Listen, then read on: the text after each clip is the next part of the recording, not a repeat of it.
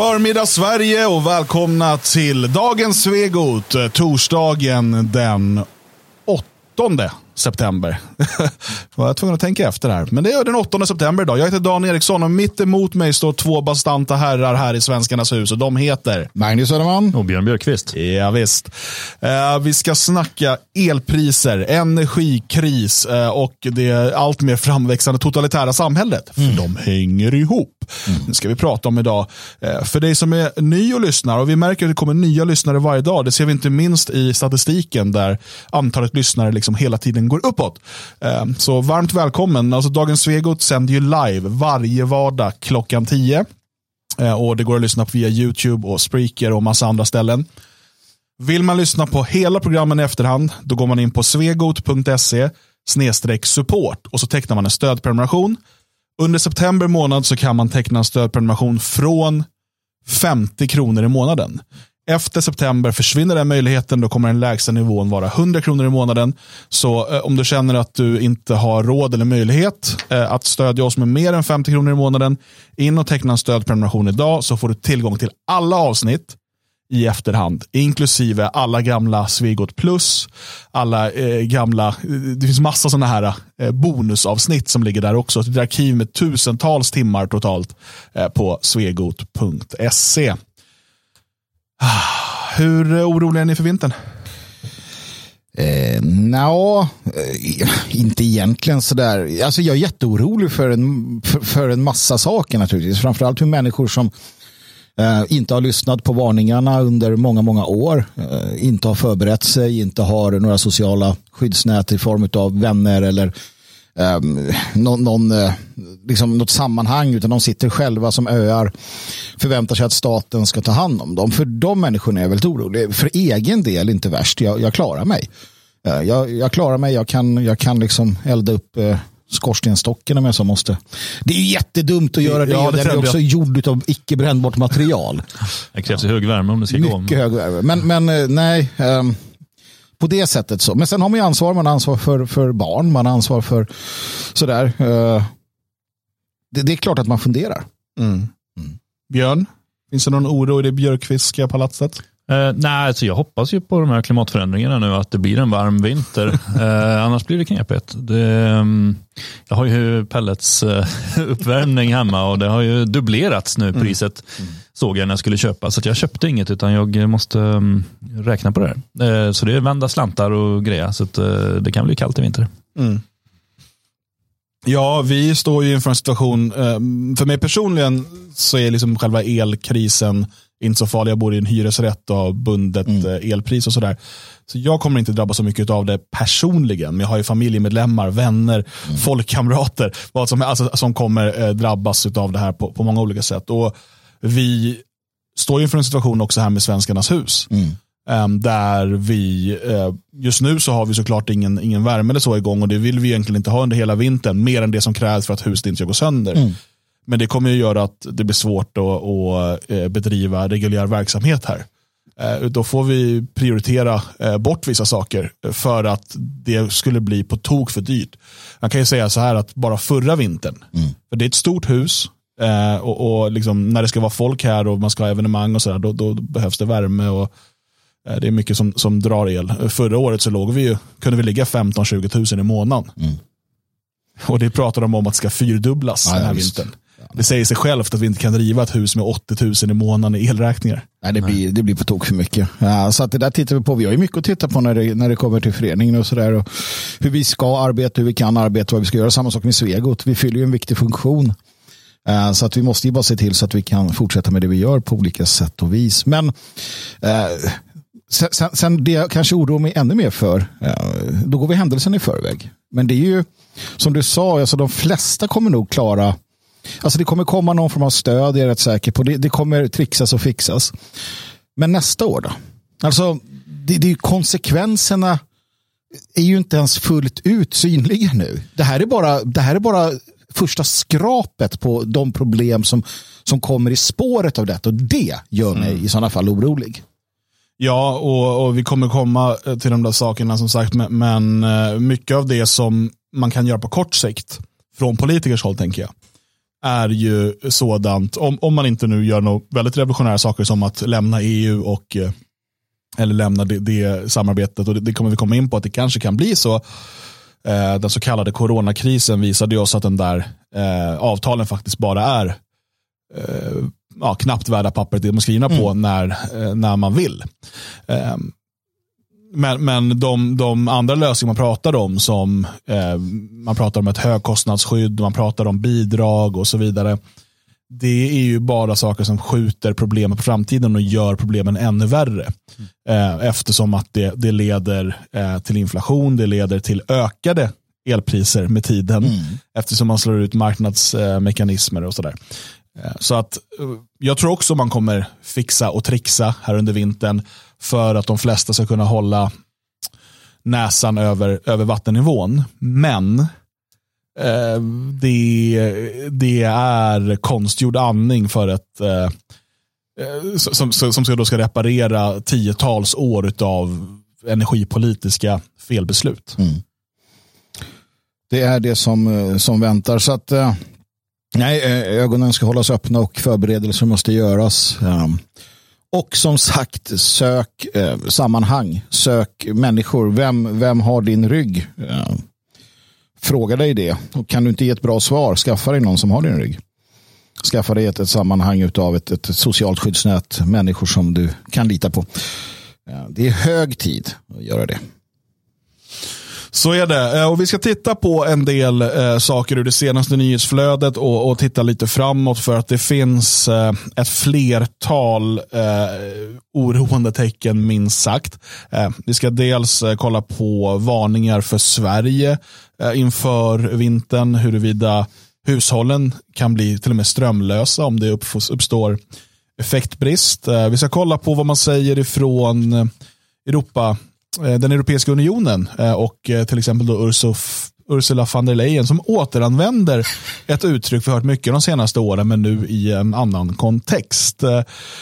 Vi ska också titta på förslag ifrån EU för att lösa detta. jag håller, det är jättestora kaninöron ska jag tänka när jag säger lösa detta. Och dessutom tittar vi närmare på förslag som nu ligger på bordet i Schweiz som kan innebära du eh, kan dömas till fängelse om du värmer ditt hem för mycket. Mm. det, det, låter som ett skämt, men vi kommer komma dit. Eh, och om vi har tid här under dagens sändning eh, ska vi gå in lite mer också på de möjliga konsekvenserna och vad det kan få för konsekvenser nästa år när det gäller till exempel matproduktionen. Allt det här hänger ihop och det är viktigt att förstå. Det är inte bara att du ska ha det varmt och skönt eller att golvvärmen ska kunna vara på i badrummet. Det är, inte, det är en liten del av det och det är mysigt med golvvärme. Men det finns också större konsekvenser när den här dominobrickan väl faller. Som, som vi bör eh, diskutera och, och resonera kring. Men låt oss börja i Sverige och risken för effektbrist under vintern och vad det skulle kunna leda till. Vi har en artikel eh, som har publicerats. Vi har hittat den i Hallandsposten, men jag tror att det är en TT-artikel. Mm. Eh, Magnus, va, va, varför reagerade du på den här när du såg den? Nej, men det var någonstans sådär att man, eh, det, det kommer ju mycket, det kommer ju många artiklar och texter och tankar om det här lite överallt. Men den här liksom slog an på ett sätt som, som gjorde det hela så, så väldigt uppenbart. Det liksom, ju mer jag läste desto tokigare blev det när jag, när jag förstod vad de, liksom, vad de säger. Um, och, och, vi är ju inte de största, um, de största anhängarna av, av uh, det här utropet många gör, att men det är ju 2022, det är ju nuvarande året. Men lite grann kände jag så att det här är ju för fan nuvarande året. Ska det här verkligen vara så? Alltså det blir ändå en, trots att man vet om det, trots att man har varnat för det, så blir det ändå en, en sån här eh, upp, ett uppvaknande. Eh, och det inleds ju ganska kraftigt eh, direkt sådär att, att hushåll i Sverige då förbereds på nu att kopplas bort från det allmänna elnätet under en period av ett par timmar. Nu förbereder man Alltså i detta nu så förbereder elbolagen eh, och de som tillhandahåller då, alltså elproducenterna de förbereder på sådana stopp i södra Sverige. Vi pratar alltså Skåne, Blå, Blekinge, ja jag vet inte vilka län som ingår fler i, eller regioner som ingår i, i, i det i det området, elområde 4 som leder. Men, men alltså, det är det man förbereder för. Det är inte säkert att det blir så, men man förbereder för att då hushåll kommer att kopplas bort under flera timmar. Och, och det är så man inleder texten. Och sen förklarar man sig då eh, framåt för hur, hur det här kommer gå till och hur, hur det kommer eh, spelas ut och hur, vad man ska tänka på och förbereda sig på. Och bara det var så här att vad fan, vi pratar några månader bort nu bara. Eller Ja, kanske, och det, här är inte alltså, det. det här har ju aldrig hänt förut. Mm. Man kan tänka sig, ja, men, eh, under andra världskriget, det var fattigt och jävligt. Mm. Vi hade ström. Vi behövde inte planera, det är klart det var strömavbrott och sånt och det har det ju alltid varit då och då. Men inte planerade strömavbrott där vi tar ifrån människor elen för att det inte räcker. 70-talet var det väl eh, el, eh, energikrisen. Jag kan säga att eh, jag följer fortfarande debatten i Tyskland en del och, och energi eller miljöminister vad det heter. Habeck eh, säger ju även där att dels eh, kommer nog produktionen till viss del stå stilla under vissa de- delar av dygnet eller vissa delar av vintern. Eh, och eh, dels kommer eh, hushåll eh, med stor, alltså det finns en stor risk att man under vissa timmar på dygnet inte kommer att ha tillgång till el. Alltså problemet, Så det är inte bara i Sverige det här. Nej. Utan, ja.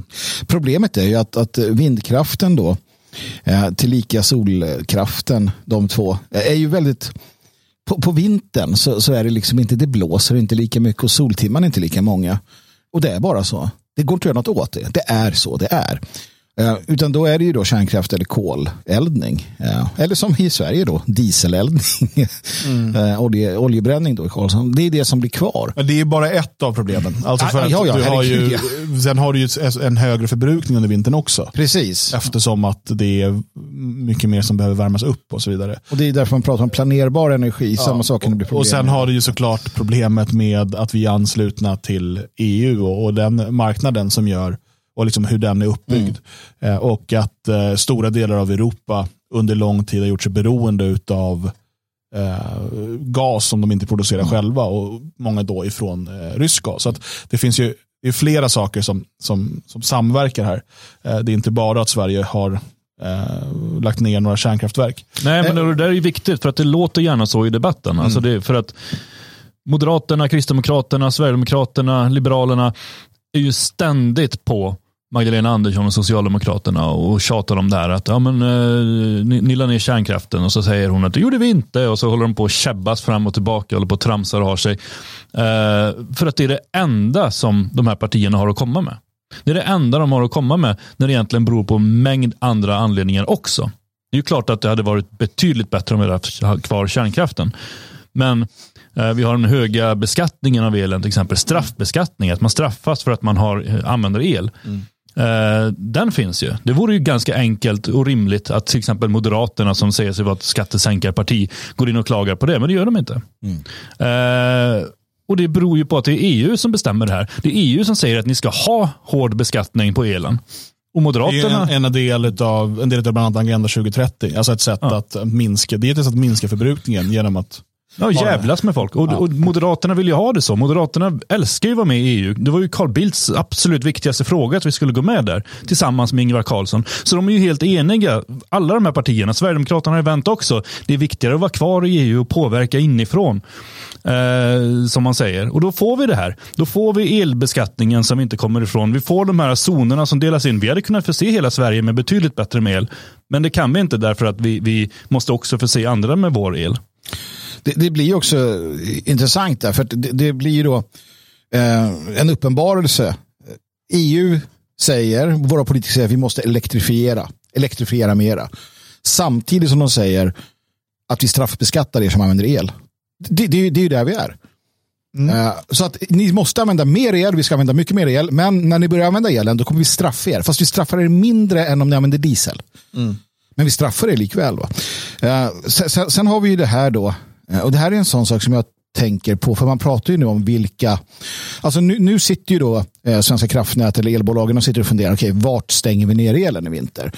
Eh, de tittar på Skåne, tittar på Blekinge, så tänker de, vart stänger vi ner? Och du som är svensk och bor i Skåne och Blekinge, du som kanske har det lite bättre, bor i fina radhusområden eller villor, det är dig de kommer stänga ner för. De kommer inte stänga ner för eh, gettoområdena. Inte en chans. i helvetet. Du tänker att om de skulle stänga av elen eh, under flera timmar eh, i eh, Tensta. Det tror du inte? Om jag... Det tror jag inte. Jag skulle inte göra det om jag var eh, politiker. eller, eller jag liksom skulle så. göra det. Ah, ja. jag med. Jo, jo det hade Visst. jag väl också nej, nej, gjort. men du kan väl bara stänga av för svenskarna? Ja, nej, men eh, utifrån hur de tänker. För det är ju en bedömning där naturligtvis. Då är det så här, okej, vi ska stänga av strömmen för 100 000 hushåll i flera timmar, lite då och då. Väljer vi svenskar som bara är snälla och tar emot all skit vi kastar på dem?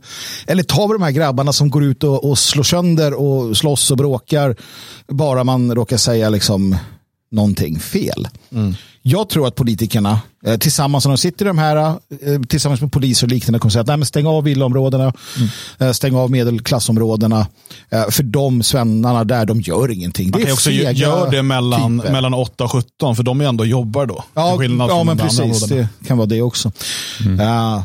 Nej, och, och det blir ju då framförallt på morgnar och på kvällar som man behöver stänga ner och stänga av. Vi kommer komma till det sen, för EU har ju lite förslag kring det där. Ja. Men, men det man gör här i den här TT-artikeln som vi refererar till, det påminner ju om när man skickade ut den här om kriget eller krisen kommer. Liksom. Man förbereder folk på eh, det som man till viss del eh, tror är liksom möjligt. Eh, att, det kan, att det kan ske här. Jag har ju hittat en konspiration i den här också. Okej. Ser ni vad han heter, där, driftchefen på Svensk kraftnät? Ja, nu ska vi se vem av dem är det. Nu försvann Alltså, hur mycket man behöver bortkoppla beror på hur stort underskottet är, säger Erik Ek. Just det. Ja.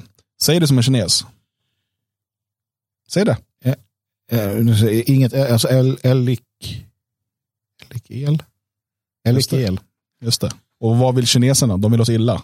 Ja. De har installerat honom här. Elik El. Da, Ja, där har du det. Där De har du det. Jag har en konspirationsteori klar för mig i alla fall. Och sen är det, om man lägger ihop alla hans bokstäver, om man tar numren de är värda Ja. och lägger ihop det, då blir det ni får ingen el i vinter. Just det. Elik El. Ja, det, ja, det, ja.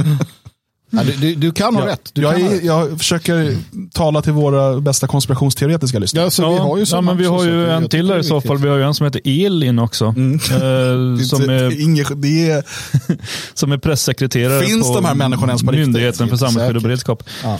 Eh, nej, det är frågan. Hon säger ju det här, eh, ett litet tips till, till människorna i framförallt eh, södra Sverige nu då. Ta reda på om du känner någon som bor i ett område där inte ström bryts just när, när din ström bryts. Då kan ni samordna och vara hos varandra när det är kallt och utnyttja varandra vid behov. Så att ni som bor i södra Sverige, hitta någon annan i södra Sverige så kan ni turas om och bo hos varandra när de myndigheterna, myndigheterna rekommenderar kroppsvärme nu som upp, upphettning. Som, som, det, det är ändå för, gå hem och kramas med varandra. Liksom. Gör det så blir det bra. Men det är det jag menar, det är ju ändå nuvarande året. Alltså, vi, vi, eh, någonstans, det här var inte på min sådär, jag visste att det skulle bli sämre, men att det skulle bli så här, men vi stänger ner elen. Så här, det, tänkte jag att nej, men det är så långt går det nog inte, man kommer nog kunna hålla elen. Nej, det kunde man inte alltså. Man, nej. Nej, Um och ja, som sagt, det, är en, en flora av liksom anledningar till att vi, vi har hamnat där vi har hamnat. Jag eh, är ju mer och mer av den tanken, nu kommer vi på kons- konspirationsteorin igen, då, eh, att det inte heller är helt eh, omedvetet. Alltså att det inte är man visste, det kanske inte, man kanske inte ville att det skulle ske allting lite grann på en och samma gång så här, utan det skulle portioneras ut lite mer. Men att man vill hamna i ett läge där vi har betydligt eh, mindre tillgång till överflöd av mat, energi och så vidare. Eh, det tycker jag är rätt tydligt och, och man har ju varit öppna med det både från FN och World Economic Forum, alltså Agenda 2030 och The Great Reset och så vidare. Eh, vad, vad som måste göras och, och hur liksom, den totala kontrollen ska kunna införas. Eh, och, och, eh, om vi lyssnar nu på Ursula von der Leyen. Va, vad säger hon här? And this is what is expensive because in these peak demands, the expensive gas comes into the market. So what we have to do is flatten the curve and uh, avoid the peak demands. We will propose a mandatory target for reducing electricity use at peak hours, and we will work very closely with the member states to achieve this. Flatten the curve. Känner ni igen det? Ja, ett eh, gammalt favorituttryck man återanvänder nu. Men det, Vilken kurva är det de pratar om? elanvändningskurvan. Hon menar att under vissa tider på dygnet så använder vi mer el. Ja. Och vi måste flatten the curve. För att under de här timmarna, när vi använder mer el, då måste vi också köpa in gas. Eh, för att då räcker inte vår egen produktion. Så det man måste göra är att minska eh, minska eh, användandet av el under de här timmarna, vilket då är mellan 5 och 9 på morgonen ungefär. Mm. Nej, 6 och 9 på morgonen och 5 och 9 på kvällen. Så det är innan arbete och efter arbete. Alltså i, i, När man är hemma ja, alltså. Precis. Eh, på vintern är det här då. För sen, det är också då du behöver mest uppvärmning och så vidare. Men jag- men, men får bara säga, och det hon säger här, och det vi kommer kolla på EU-förslagen sen. Hon säger då alltså eh, mandatory target for reducing electricity use at peak hours. Alltså krav. Alltså, det, det är inte ett förslag eller vi tycker att ni borde tänka på det här. Utan att man från EUs håll ska ha tvingande åtgärder. Och det är ju ett sätt, ett sätt att göra det är ju att strypa tillförseln helt enkelt. Att sätta ett tak på att så här mycket, eh, så här många megawattimmar får eh, skickas ut under den här tiden. Ja, alltså det enklaste är ju då att, att eh, helt enkelt släcka ner områden så att man uppnår det man vill. Ehm, om det inte går att göra på annat sätt. Ja, men men jag, jag, jag, gillar ju, jag har inga problem med att spara el eh, personligen då. Så att eh, jag funderar ju på det här naturligtvis. Så, så tänkte jag att man skulle... Det, det, är, det är att blanda äpplen och päron. Ja, men det, det intressanta blir så här. Eh, jag, ville, jag, jag vill installera en, eh, en vedeldad spis för att kunna laga mat. Alltså de har skrikit i tio år om att vi alla ska få elbilar. Men när jag vill göra det, då säger kommunen att jaha, ja, du vill installera en sån. Ja, men det blir svårt. För att det får man inte riktigt, för det är ju utsläppskrav numera. Så att jag blir straffad om jag använder el och vill jag inte använda el, då blir jag straffad för att jag släpper ut. Varför inte bara döda alla människor? Är inte det bättre? Ja, just det. Det fanns ju en liten plan här att man skulle svälta ut jävligt många så att van der Leyen kan ja, ha golvvärme på sin toalett. Ja, ja nej, men, men eh, ja, alltså, det- här, är, det här är ett allvarligt läge. Det hon säger är väldigt, väldigt allvarligt. För att eh, vi kan titta då också, då, alltså EU har ju presenterat då fem förslag på detta. Eh, och där är det ju bland annat det här som, som, hon, som hon nämner eh, med eh, alltså obligatoriskt mål för att minska elanvändandet i rusningstid, så skrivet heter det. Eh, och Sen står det nummer två och tre går ut på att plocka pengar av de energiföretag som just nu gör stora extravinster på grund av de höga priserna. Detta gäller såväl lågutsläppsenergi från exempelvis förnybara källor men också olje och gasbolag. Sen pratar man om ett pristak på eh, rysk gas. Här måste man då förstå vad det innebär. Alltså, det betyder ju inte att, att Ryssland säger så här, jaha, ja, men vi sätter ett pristak på vår gas. Utan det är att det blir olagligt att köpa gas från Ryssland över det priset som då EU har bestämt. Så säg att de säger, ja, inte mer än 10 kronor per, per x enhet. Eh, och så säger Ryssland, men vi vill ha 12. Då får man inte handla det. Nej. Och, och, och själva idén här är ju som från EUs sida att de ska kunna ha ett så pass högt pris att Putin vill sälja gas för att han vill ha pengar men så pass lågt att det liksom inte framstår som att de eh, göder den ryska krigsmaskinen i Ukraina. Ja, men, men, men eh, Putin har ju rätt snabbt svar på det här. Och, och, liksom så här, ja men okej, eh, om de inför det då slutar vi också leverera olja. ja. Eh, och eh, dessutom, eh, jag, jag, jag pratade om det här innan, men jag förstår inte varför är, jag tycker väst är rätt dåliga på propaganda. ja, jag vet. För Det att- har inte funkat alls. Det enda jag ser ifrån när de, när de ska visa någonting med Putin, eh, eller Ryssland, förutom då kriget och sådär, men, men alltså, typ som nu med det här eh, pristaket, och då visar de, han håller något tal och sådär.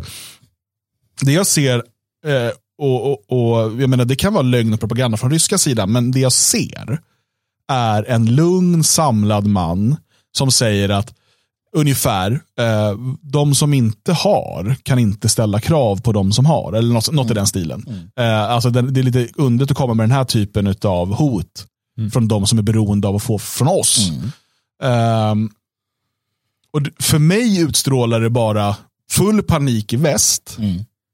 Medan Putin står där och verkar ganska stoisk och liksom bara, ja, vi har ju värme. Liksom, så här. Men vi, och vill ni ha utav det så, så kan ni få köpa, men ni kan inte komma med den här typen av krav.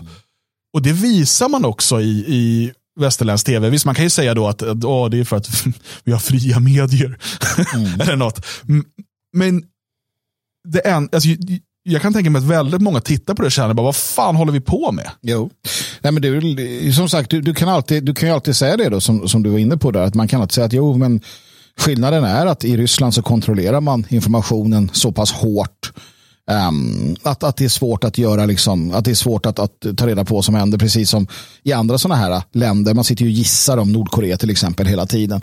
Eh, uh, Medan man i väst tillåter eh, en öppen media som gör att vi ser det här. Då, då blir det så. Uh, eller så är det så. Alltså, vi vet ju inte. Men, men, men uppenbarligen så har Europa problem och problemen kommer bli ehm, värre. Och man skyller också dem då på, på Vladimir Putin och på på det krig som pågår.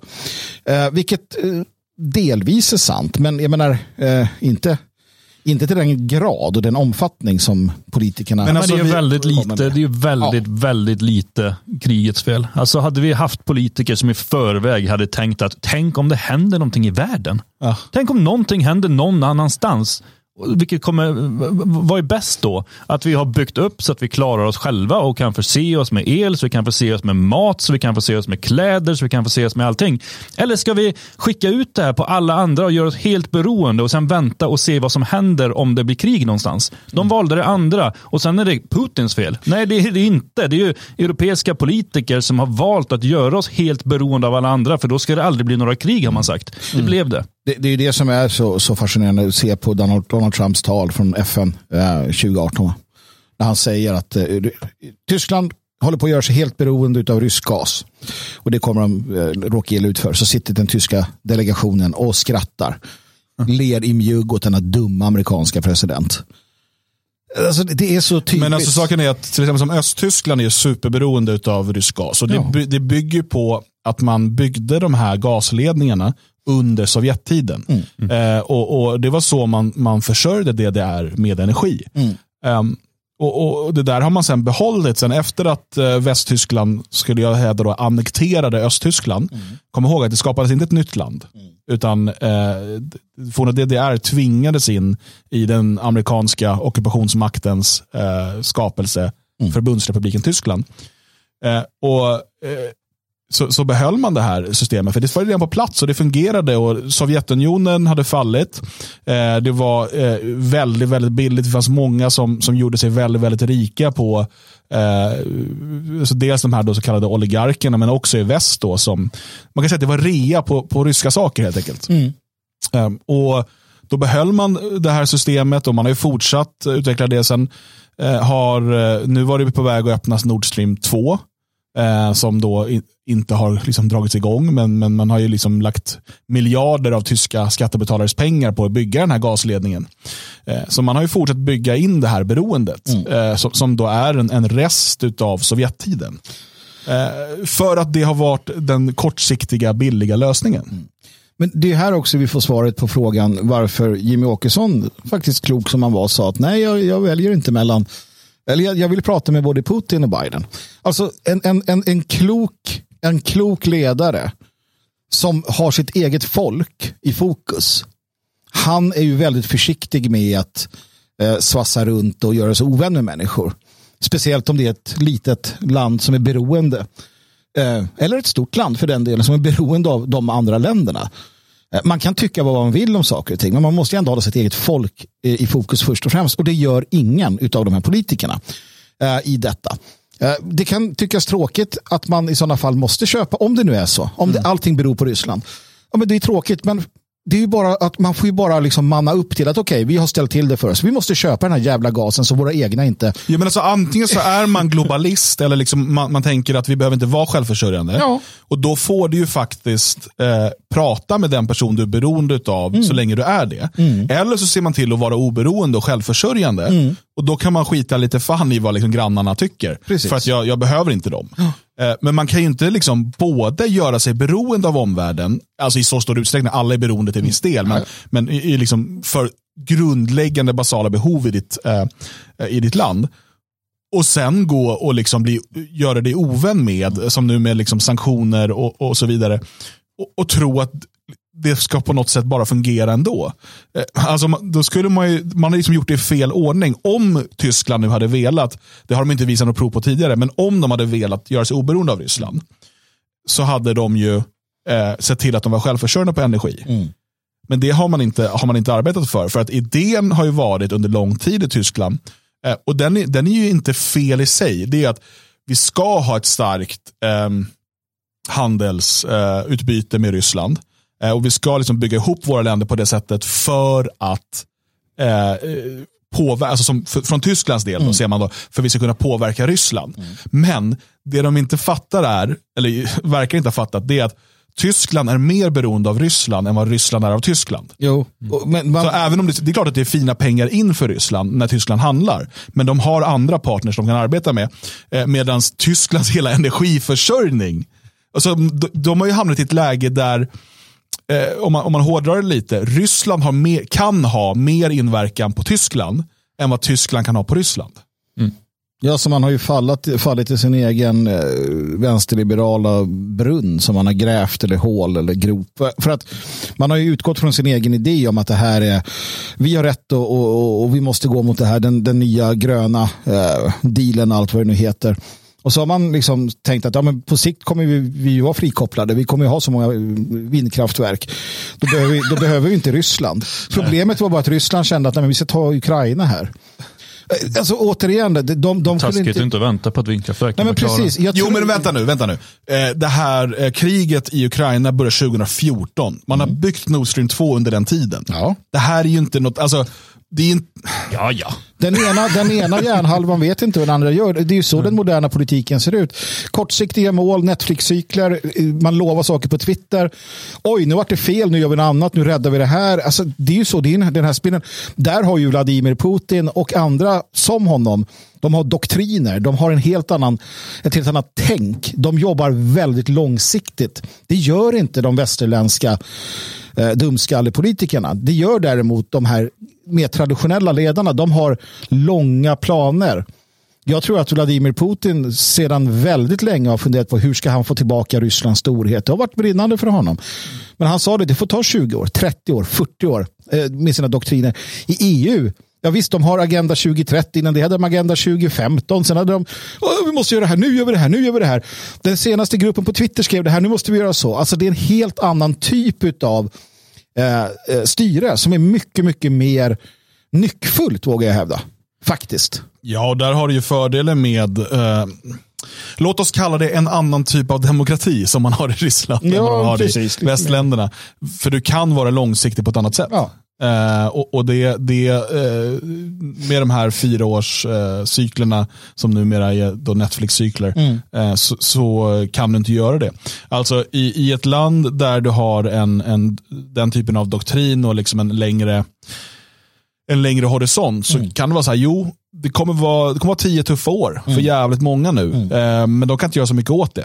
Precis. Precis. Men, för jag vet, eller jag tror, mm. att om tio år, då kommer vi kunna se en ny guldålder. Mm. Men då krävs det att vi liksom gör de här, de här sakerna. Precis. Så kan du inte göra i en, i en, i en demokrati, på gott och ont. För det finns ju... Reinfeldt försökte ju. ja, precis. Öppna era hjärtan. Ja. Det kommer bli jobbigt att ta emot dem, men det kommer bli jättebra sen när alla främlingarna har fått jobb. Nej, men hur, ska du kunna investera i, till exempel då, i Ryssland kan du investera i, i den energiproduktion de har övermått av, för det finns inget jävla miljöparti som kliver in i duman rätt vad det är Samtidigt som vi ser ryska pengar har gått in i, i, gröna rörelser i väst. Ja, precis. Som har jobbat för att stänga ner kärnkraften. Precis. Det är inte en slump, liksom, men, men, men det är alltså, det stora, well played sir. Absolut. Det stora problemet i Ryssland har ju varit, eh, för dem, om vi bara tittar på det, det är ju, det är ju den interna korruptionen. Alltså problemet är att pengar slussas till folks... Ja, liksom, ja, sådär. Men, men det är ju en annan sak. Utan det är ju det. Varför? Det var ju som någon sa. Varför i helvete ska någon bygga kärnkraft i Sverige? När du rätt, om tre år kanske, tänker du då, så får jag Miljöpartiet som kommer ta bort alla möjligheter att subventionera vindkraft. Nej, jag bygger inte. Uh, jag bygger inte kärnkraft. Då skiter mm. jag i det. Då gör jag något annat med mina pengar. Ingen vågar planera långsiktigt. Varför hade vi det här industriundret? Jo, för mm. att vi visste att sossarna kommer ha makten i 20 år i princip. Och Wallenbergarna sa, vi ser till att ni har makten i 20 år. Nu kan säga, nu kan alla de säga att nu investerar vi i det här för att sossarna kommer hjälpa dem. Det kommer vara lugn och ro, ordning och reda. Alla vill ha det på det sättet. Sen kanske inte det var det bästa heller, men det är det som gjorde att vi kunde ha den utvecklingen. Vi har inga nya industrier. Vi har ingenting sånt nu för att mm. vi byter regeringar hela tiden och alla bara nya saker. Mm.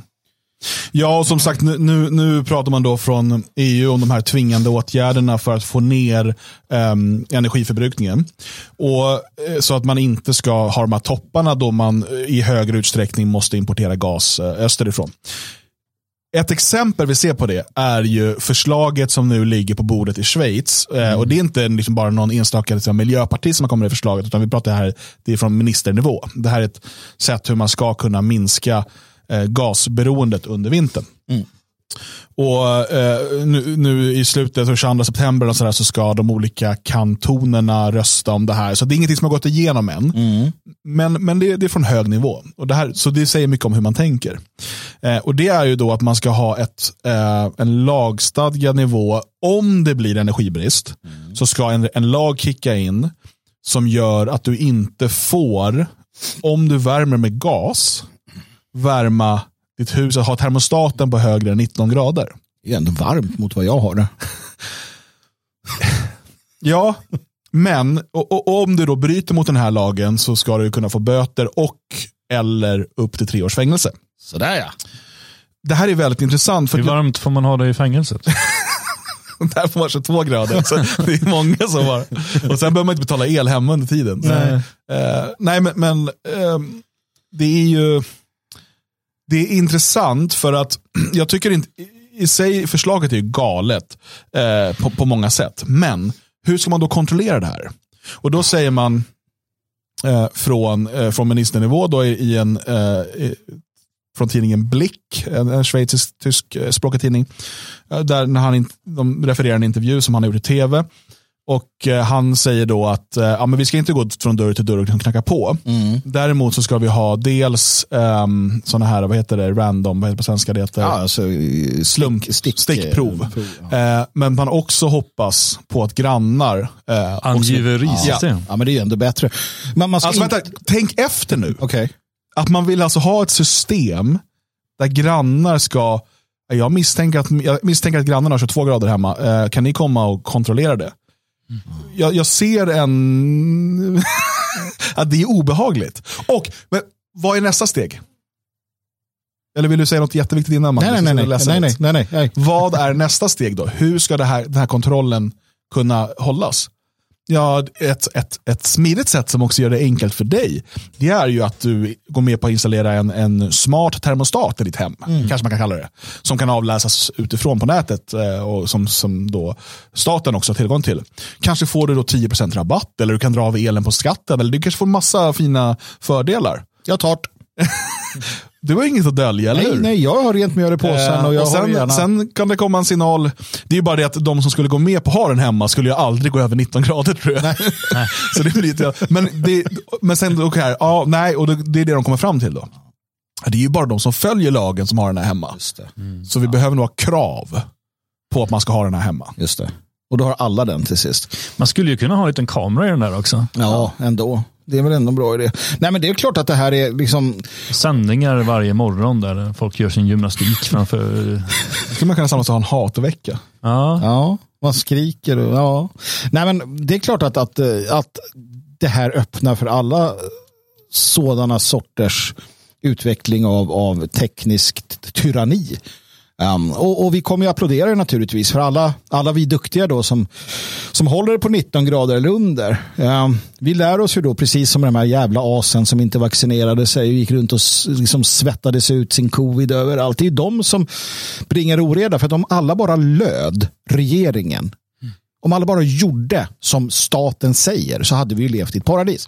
Ja. Så att vi kommer ju applådera detta och vi kommer naturligtvis ange dessa förbannade avskum till grannar som ja. sitter där och har bastuklubbar i sina lägenheter. Ja, I stort sett, eh, om de har 22 grader hemma, då, då, finansierar ju de folkmord i Ukraina. Det gör de absolut. Och det ska man inte göra. Nej, så att det, det, alltså, först och främst är det absurt bara själva så här, den, alltså, att, att det ska införas någon jävla lag på hur varmt du får det hemma.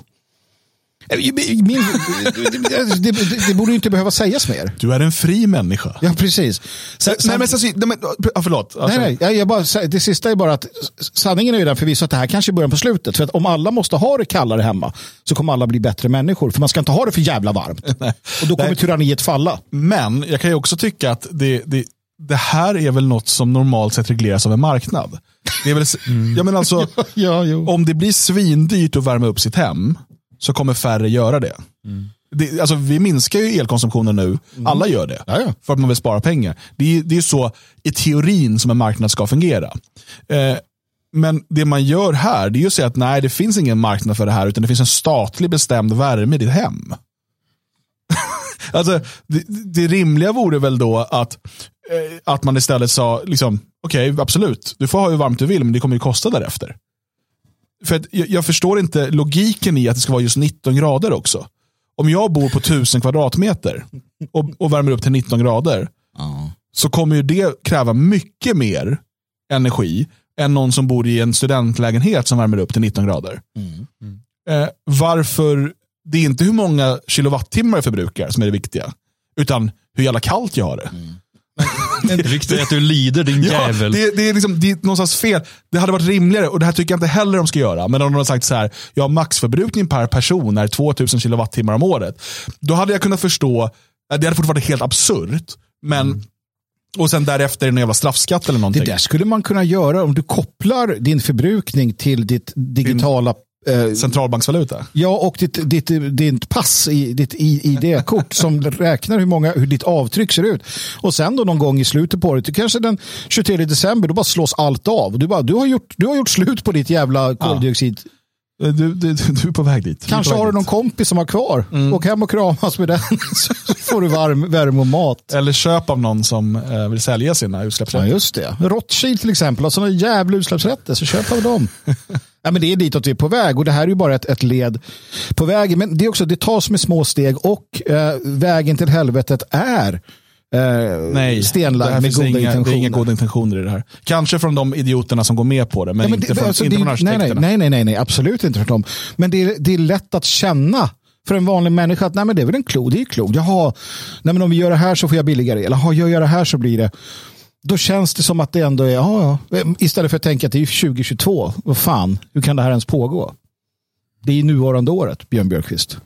Ja, det är det. Det är det sannerligen. Jag satt och tittade innan eh, vi gick in här på eh, hur det fungerar med socialbidrag. Eh, jag ska inte söka. utan, eller varför inte? Det är nog en ekonomisk, inte så dum idé. Eller? Ja, jag tror det är en vinnargrupp faktiskt. Därför att jag tittade just på det här med elen och det verkar vara olika i olika kommuner hur man gör. Men tidigare så var det som regel att man hade liksom ett schablonbelopp. Att går du över det här då, då, då gör du någonting stört och då, då betalar inte vi det. Utan men de betalar ganska liksom långt upp en, en elräkning åt mm. socialbidragstagare. Eller ekonomisk biståndstagare som det heter. Eh, men det började man göra om för något år sedan när elpriserna började sticka iväg. Så nu, har man snarare, nu pratar man om elförbrukning istället. Hur, hur mycket el man använder. Och det är olika i olika kommuner och dessutom olika beroende på hur stort man bor och hur stor familj man har och massa sådana grejer. Men jag kunde tycker mig kunna läsa mig till när jag läser mellan raderna är att en vanlig invandrarfamilj med liksom fem ungar och sådär kan få förbruka relativt mycket el och vi skattebetalare får bekosta det. Uh, så där har vi ju en, en uh, elförbrukningspunkt Mm. som inte diskuteras överhuvudtaget. Mm. Den här enorma mängden människor som vi har importerat till Sverige som vi nu ger gratis el medan vi står och liksom ska spara maximalt. Eh, det där borde det pratas mer om. Utvisning, bara för den saken skulle vore en alldeles strålande idé. Så här. Um, massiv återvandring för att rädda klimatet. Och sen ser vi också till att eh, Meta och, och, alla andra, alltså Facebook som har fått sina serverhallar och sin el subventionerad utav eh, den svenska regimen, eh, att de inte längre får det. Mm. Utan de får betala minst lika mycket som alla andra. Minst. Mm. Gärna lite mer också för att de är utländska agenter på svensk mark. Så det ska vara någon straffskatt på det. Det här är ju samma. Jag tycker det är så intressant att se nu hur till exempel Facebook stänger av Gustav Kasselstrand mm. fram till den 12 september, dagen efter valet. Mm. mm. Det är alltså samma Facebook som får alltså kraftiga miljarder, eller åtminstone många miljoner i subventioner mm. utav den svenska regimen för att kunna ha sina serverhallar i norra Sverige. Mm. Och sen så tar man då ett oppositionsparti, visserligen än så länge ett ganska litet oppositionsparti, men partiledaren därifrån blir avstängd fram till dagen efter valet. Det Ja, kan vara en det- slump, det- absolut, teoretiskt sett, men det luktar alldeles för illa. Nej, men det, sker, det har ju skett så många gånger nu. Och det, det är ju sedan Sverige började bekosta de här serverhallarna, eller se till att de får billigare el, som, som det där började hända. Och, och regeringen gick ut och sa att nu kommer vi kalla till oss representanter för de här sociala medieföretagen. Just de som vi ger massa pengar med skattemedel. Eh, de här ska vi kalla till oss och säga till att vi blir tvungna att lagstifta om inte de eh, skärper till sig och stoppar eh, hot och hat på, på sina forum. Och direkt så börjar de stänga ner nationellt sinnade, för det är bara de tydligen som står för hot och hat. Typ Antifa fick vara kvar. Eh, och sen så står eh, samma socialdemokrater bara, nej det är ju marknaden som sköter det här. De gör ju vad de vill, det är ju privata företag. Vi påverkar inte. Nej, förutom att ni ger dem miljontals kronor. Eller snarare inte beskattar dem på samma sätt som ni beskattar vanliga människor.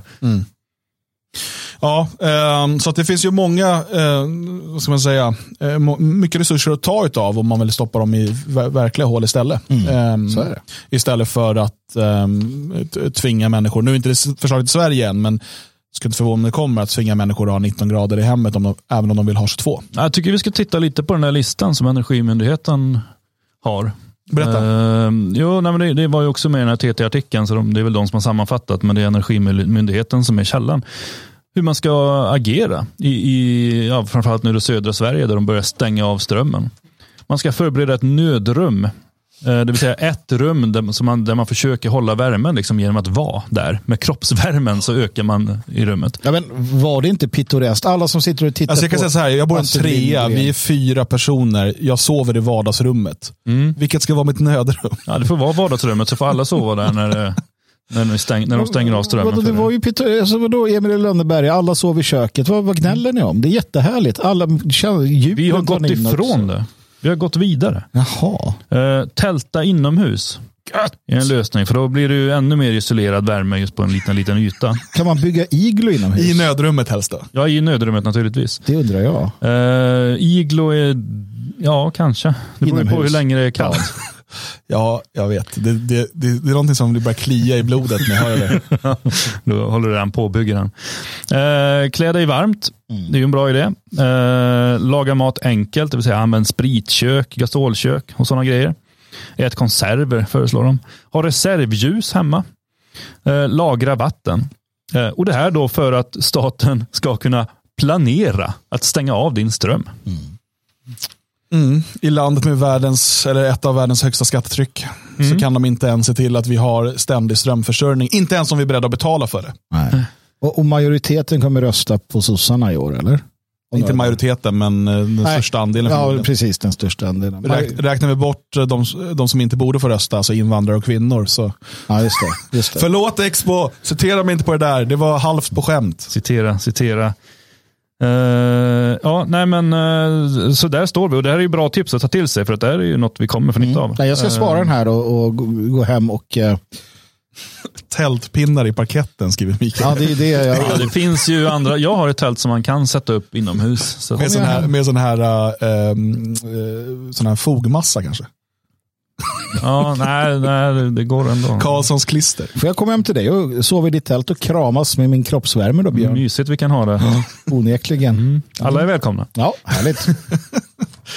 Härligt. Uh, Okej, förbered ett nödrum, tälta inomhus, klä dig varmt, laga mat enkelt, ha reservljus hemma och lagra vatten. Ja, b- Bara en sista där. Använd tofflor eller något annat varmt. V- vad fan skulle det vara? Alltså något annat An- varmt. Raggsockor.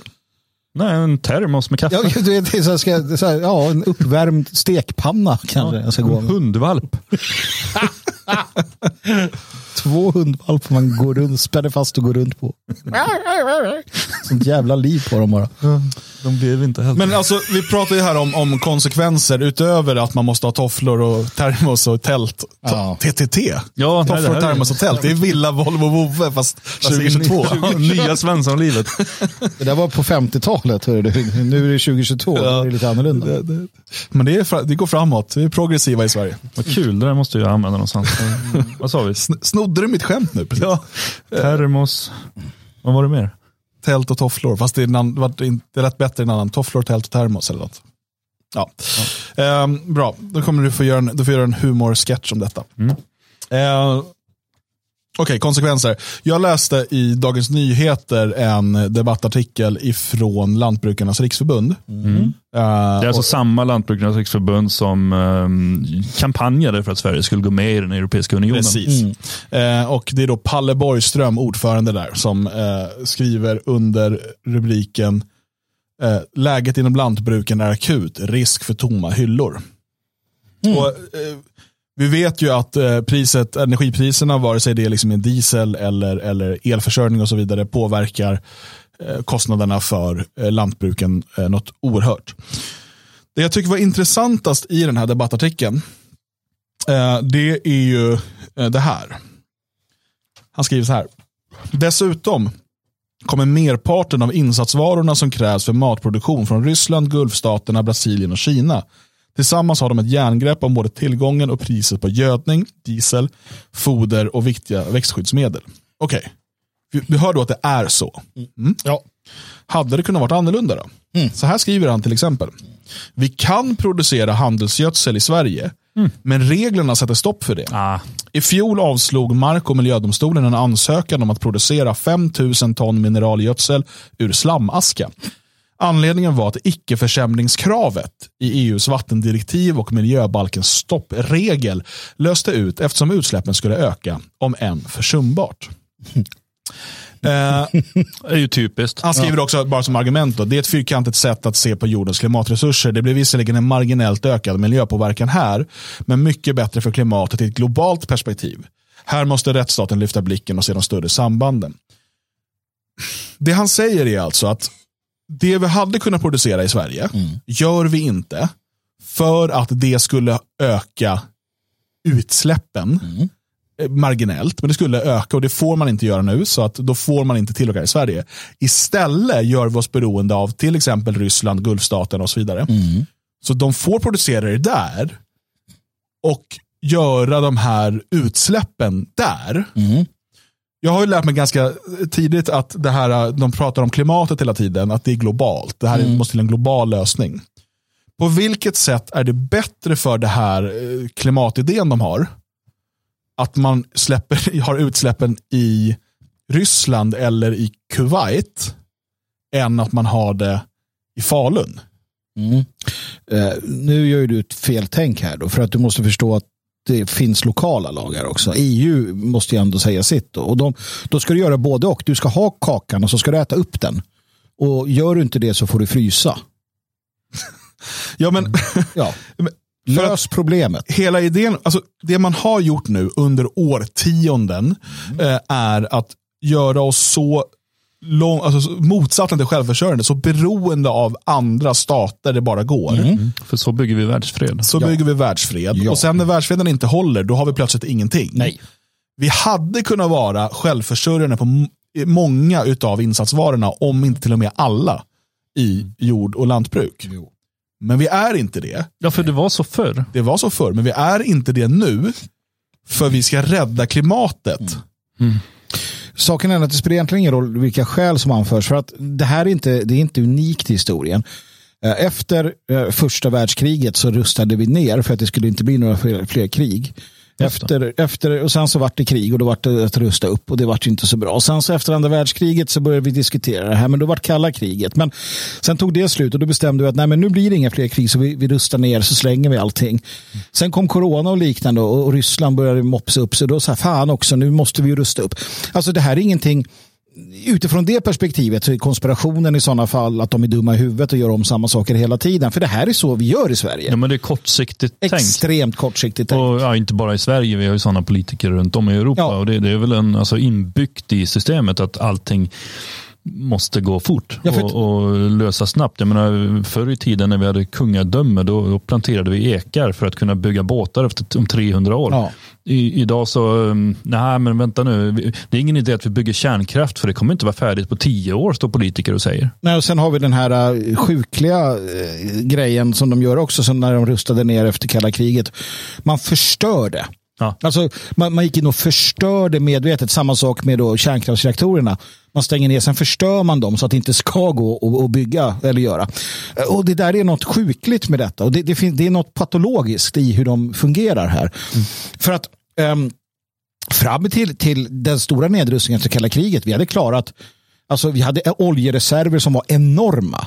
Mm. De har vi typ bränt upp. Vi hade alla möjliga saker som kunde skydda oss det har vi gjort, gjort, eh, gjort slut på och förstört. Va? Så att, eh, därför står vi där vi står just nu. Och det, det är den kortsiktigheten som, som fortsätter. Då, att, ja, men alltså, för det man gör nu i land efter land är ju att slå sönder den nationella självförsörjningen. Ja. Eh, inom massa olika områden. Vi har ju sett de här massiva protesterna i Nederländerna som mm. ju slås ner med våld, eh, eh men, men som ändå fortsätter mot eh, den här då klimatpolitiken som kommer att göra eh, att en fjärdedel ungefär av bönderna kommer mm. Eh, gå i konkurs och eh, eh, inte kunna, liksom kunna bedriva sin verksamhet. Och Det här då ska vara till 2030, det är en del av Agenda 2030. Mm. Och Samma sak ser vi nu på Irland. Mm. Där eh, har man då sagt att eh, utsläppen måste sjunka med 25 procent till 2030. Annars blir det både böter och indragna bidrag. Just eh, och, och det här med bidrag, man har ju byggt upp en hel, eh, vad ska man säga, en hel eh, värld kring liksom, att man betalar höga skatter och sen får man bidrag. Mm. Och sen, ja, det, det är himla underligt. Um, men eh, totalt så ska ju då Irland minska sina utsläpp med 51 procent till 2030. Mm. Och det, då märkte man att jordbruken behöver sänka med 25 procent. det som eh, jordbrukarna på Irland konstaterar är att det här är omöjligt. Det som ni kräver är omöjligt, vi måste lägga ner. Mm. Eh, och eh, alternativt höja priserna något enormt. Mm. Så att man, man för ju en medveten politik mm. för att slå sönder eh, självförsörjningsgraden. Mm. Eh, vi pratade om insatsvaror nyss, vi har pratat om energiproduktionen eh, i stort och här har vi då produktionen av mat. Det här kan inte vara, alltså, det kan inte vara en slump. Det kan inte bara vara dumhet. Mm. Det här måste vara ondska. Ja. Alltså det måste vara medveten ondska som gör att man, att man, att man eh, eh driver igenom det här. För var, var, ska då matproduktionen ta plats? Det, det, vi har sett är ju hur de, de allra rikaste runt eh, World Economic Forum och, och, andra liknande sammanslutningar, hur de investerar stora pengar nu i dels eh, landareal eh, och dels i produktionen av eh, insektsprotein och så vidare. Mm. Eh, som man menar ska kunna vara då en miljövänlig, klimatvänligare alternativ till kött. Vi, alltså, eh, det, det, finns ju starkt, för här, det, det, är inte bara då till viss del finns det säkert bland de här maktmänniskorna att de tror på sin egen idé. Att det här är superviktigt, mm. annars kommer vi gå under och havsnivåerna kommer stiga. Och Obama köper bara ett jättefint hus precis vid strandkanten, men han tror att havsnivåerna kommer stiga och allt kommer ligga under vatten. Ja. och sådär. Mm. Under det investering kan man tycka. Mm. Eh, men en del tror säkert på det. Men det är också det att det finns oerhört starka finansiella intressen här människor, kolla under den så kallade coronakrisen hur stora resurser som flyttades från småföretag, från medelklassen till de allra, allra rikaste. Vi har aldrig sett en så stor stöld på global nivå som den så kallade coronakrisen. Mm. Och här är bara fortsättningen på det. Ja, ja, ja. Det är precis samma sak. Koncentrera makten och resurserna till ett fåtal. De här, det här fåtalet kommer sen kunna dela ut det. Mm. Du kommer inte äga någonting, men du kommer vara lycklig. För vi kommer se till att du har mat på bordet och du har din medborgarlön kopplad till din digitala, eh, din digitala centralbanksvaluta och så vidare. Mm. Nej, så, så är det. Och, och jag menar, där finns det ju inget, det är ju ingenting att diskutera, utan, utan problematiken ligger ju snarare i eh, att man inte kommer, alltså man, då menar jag då den globala populationen kommer inte sätta stopp för det här förrän det är för sent. För det gör vi inte. Alltså, det har vi inte gjort historiskt sett. Det eh, spelar ingen roll hur tydligt det har varit med teklarna på väggarna. Eh, alltid varit en liten grupp människor som har sagt att men herregud i himlen ser ni inte vad som händer. Nej, eller så skiter vi i det. Och det är samma sak där. Det, det jag tycker är fascinerande är att vi vet hur det här kommer spelas ut i, i princip. Um, och vi vet vart vi, uh, vartåt det barkar hän. Och det är ju de som, som bryr sig uh, om det är ett, ett enormt övertag naturligtvis. För att det här kommer inte hålla heller. Det gör det inte. Du kan inte koncentrera ekonomin och, och uh, makten på det sättet man gör och tro att det, att det kommer gå smärtfritt eller att det kommer ens hålla ihop framledes. Det, det gör det inte. Eh, vad som kommer sen får vi se helt enkelt. Men, men jag tror att det, det, det, det som skulle kunna hända, som, det finns ju alltid jokrar i leken och det ser man lite grann, det började under corona, det kanske bör, kommer fortsätta nu och det är ju att någon eh, politisk ledare i EU säger, ja men vet ni vad, skit på er, eh, vi tänker inte hålla på med det här längre, vi, vi accepterar inte detta, lite som Nooshi Dadgostar sa, ja, men skit i de här elavtalen. Nu kör vi på vårt eget sätt. Vi blir mm. isolationistiska i detta. Vi tar våra egna Sverigepriser. Uh, om någon gör det, om någon drar åt ordentligt, vi vet att Frankrike säger nej vi tänker inte sälja munskydd, vi tar era munskydd för övrigt. Mm. Uh, alltså EU kommer kanske inte hålla ihop då och då kan det börja hända grejer om, om dominobrickorna faller. Och då kan det gå fort. Um, och vart det slutar vet i tusan. Men jag är inte, jag är inte övertygad. Jag säga det, vi har ju också det här dokumenten då från, från EU uh, där man då med förslag nu inför vintern vad gäller covid. Mm. Där man bland annat säger att bland det första man bör göra för att minska spridningen mm är att förbjuda eh, allmänna sammankomster, mm. alltså demonstrationer och så mm. vidare. Eh, det känns ju också som att det är väldigt lägligt inför den här mm. vintern, för att det kan finnas en väldigt uppretad stämning hos många människor. Precis. Eh, men om polisen då får Eh, vi, vi, såg ju hur polisen var beredda att, att, att slå, misshandla, i vissa fall i Tyskland till och med mörda mm. Eh, eh, demonstranter eh, som samlades eftersom att de skulle kunna sprida det här eh, Kina-viruset. Mm. Eh, och den, den um, de befogenheterna ska man ge dem nu igen i mm. vinter. Mm. Mm. Säger man, vi får se exakt hur det blir, men, men det är ett alternativ man tittar på. Eh, under en tid då man kanske också slår av strömmen hemma hos folk, mm. där eh, människor kommer inte ha råd att betala sina elräkningar, där eh, liksom, vi kan få se ordentlig matbrist på eh, hyllorna i, i, i stor, eh, stor, på stormarknaden och så mm. vidare. Men du är förbjuden att samlas fler än tre personer på allmän plats. Mm. Jo, precis. Och, och, och, som sagt, det där vet vi, det, det, gör ju att det blir mycket, mycket lättare för dem att, att se till att det inte blir några stora, stora eh, sammanslutningar. alltså, alltså, alltså att, att, att, hålla folk borta från gatorna. Det, det, blir lättare om du kan ha den typen av regler, så är det ju. Uh, så att, nej men absolut, man är inte dum i huvudet på det sättet. Och, och vi har ju, det var ju många år sedan vi pratade om eh, EUs eh, planer på att eh, kontrollera prekariatet. Alldeles oavsett hur det uppstår. Där man resonerade kring medborgarlön eller andra pacificerande sätt. I, i Tyskland kommer väl snart att klubba att man får röka braj eh, överallt. Så varför inte? Det, det är ett jättebra sätt att få människor att lugna ner sig. Mm. Därför var det ett strategiskt misstag nu av Systembolaget att höja priset på öl. Ja, det var det. Uh, Sverige Fixa lite, det. För min, för min skull, sänk priserna. Öl kan ju också göra folk lite argare. Så att, ja, det är sant. Det är bättre med gräs. Se till att, att folk sitter och röker. Absolut. Flummar bort. Alltså, har, du, har, du, har du Braja, du har medborgarlön och du har Netflix uh, och du kan äta det hyfsat mätt. Vad fan spelar det för roll? Liksom? Hammarby. ja. Uh, vad, vad ska man göra då? Om man sitter där och lyssnar nu, fan, nu låter det som att vi, nu, allt kommer ju gå åt helvete här. Okej, för det första vill jag bara säga det.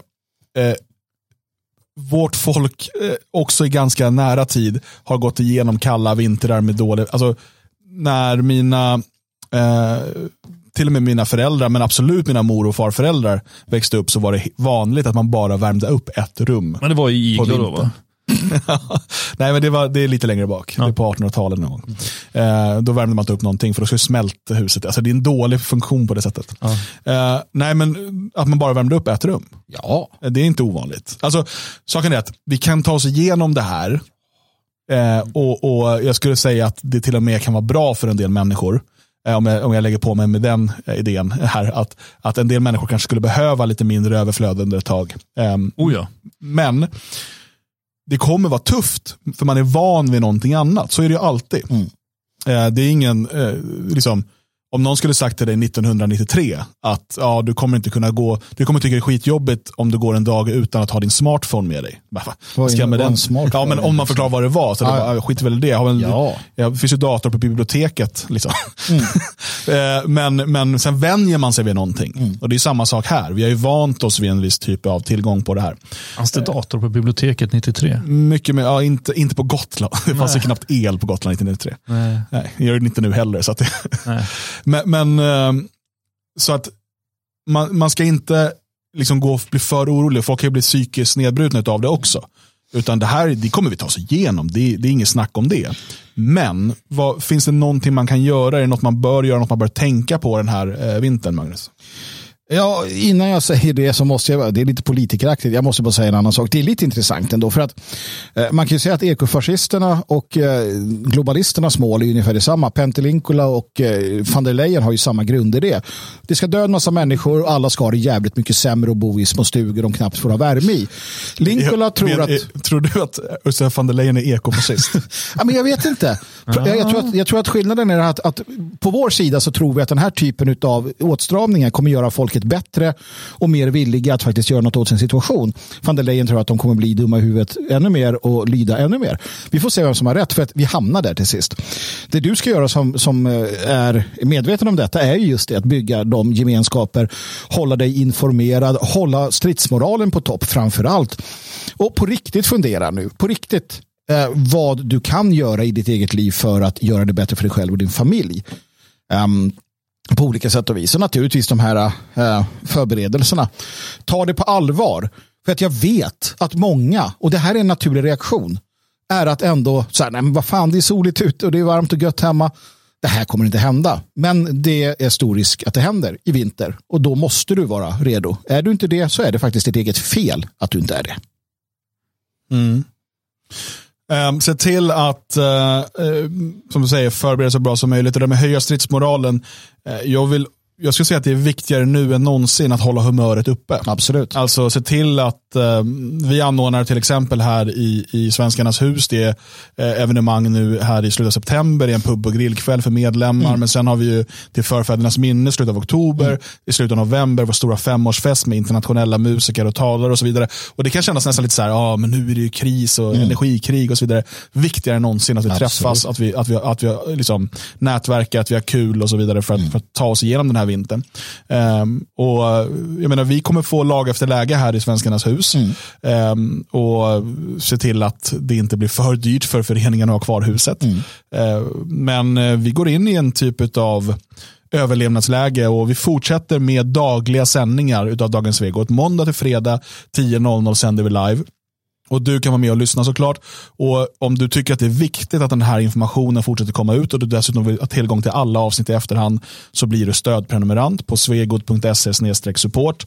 Då inte bara eh, hjälper du oss att vi kan betala elräkningen här för studion utan att vi också kan fortsätta med det här viktiga arbetet som vi faktiskt gör. Eh, och jag märker att det blir fler och fler lyssnare hela tiden. Eh, om du har någon vän som fortfarande inte lyssnar på Dagens Svegot, se till att skicka det här avsnittet till exempel till honom eller henne så att eh, de får en bra introduktion till eh, Sveriges mest relevanta dagliga nätsändning. Ja, absolut. Och involvera dig gärna mer. Alltså, hör av dig på olika sätt till oss. Berätta om din vardag. Dela med dig. Alltså, använd de här chattarna vi har och använd alla metoder du kan. Som sagt, eh, vet du något, sitter du på information, är du en visselblåsare, hör av dig. Så kan vi dela med oss av detta till andra. Vi eh, kommer naturligtvis att fortsätta med det så länge det bara är möjligt. Stort tack för att du har lyssnat på det här avsnittet. Vi hörs imorgon igen klockan 10. Electric power. Electric